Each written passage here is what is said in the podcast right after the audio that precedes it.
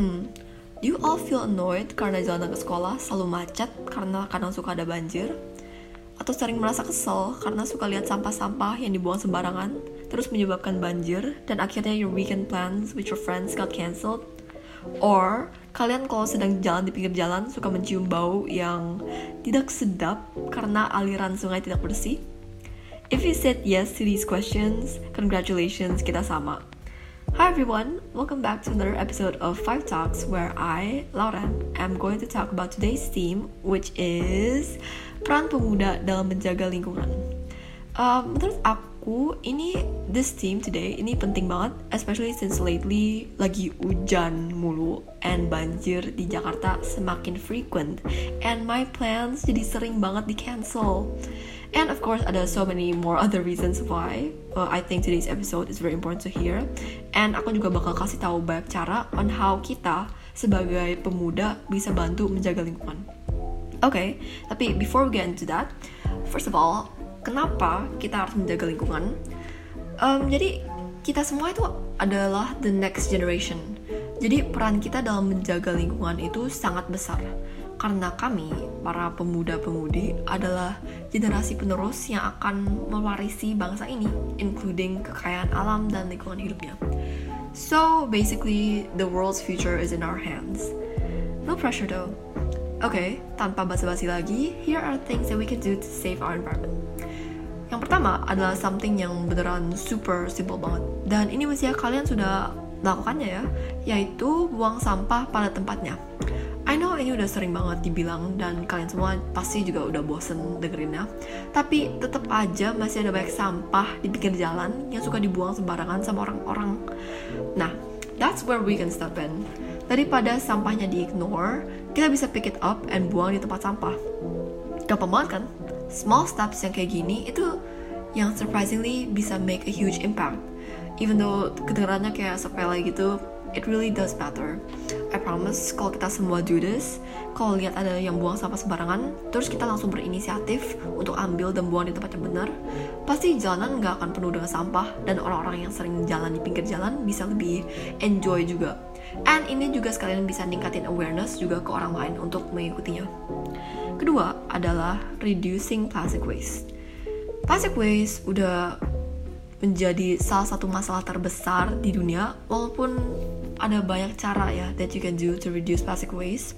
Contohnya, membuat membawa botol minum sendiri ketika keluar daripada beli botol aqua atau menggunakan metal straws atau sedotan bambu daripada sedotan plastik atau juga bisa investing in a big tote bag buat grocery shopping daripada using plastic bags yang bisa disediain.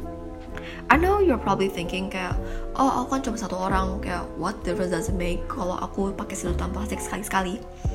Actually, I know it seems small, tapi we all have to start somewhere. And malahan, those small actions itu yang using sedotan plastik, itu malah yang berkontribusi dalam membuat masalah plastic waste kita menjadi lebih besar. Jadi, even though you feel like your actions itu nggak terlalu make a difference, believe it or not, they actually do.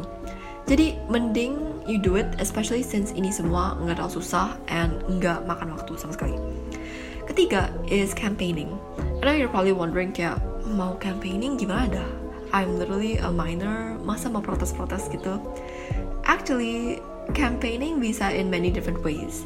Uh, for example, kamu bisa cuman menik mengingatkan orang-orang, like misalnya your friends atau your family, uh, mereka sering menggunakan kantong kresek untuk grocery shopping. Nah, ini kamu bisa bilang untuk kayak stop using plastic bag atau uh, tell them to buang sampah pada tempatnya.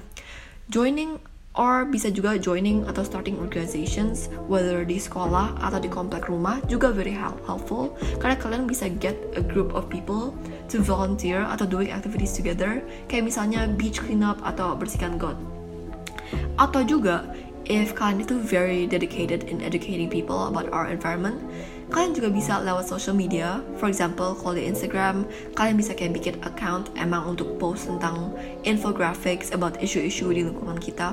Atau juga bisa lewat TikTok, di mana kalian bisa like making video yang kreatif untuk mengajak orang-orang untuk menjaga lingkungan atau memberikan info tentang masalah-masalah yang ada di lingkungan kita. I think this one is the most important karena biar semua orang itu juga jadi mau untuk ikut bantu menjaga lingkungan kita. Oke, okay, last but not least is saving our resources. I think this one udah lumayan self-explanatory. Jadi kalian yang misalnya lagi nggak pakai ruangan, just turn off the lights or the AC atau anything yang lain yang lagi nyala. Basically what I'm saying is jangan boros try to take shorter showers atau jangan dikit-dikit buang kertas.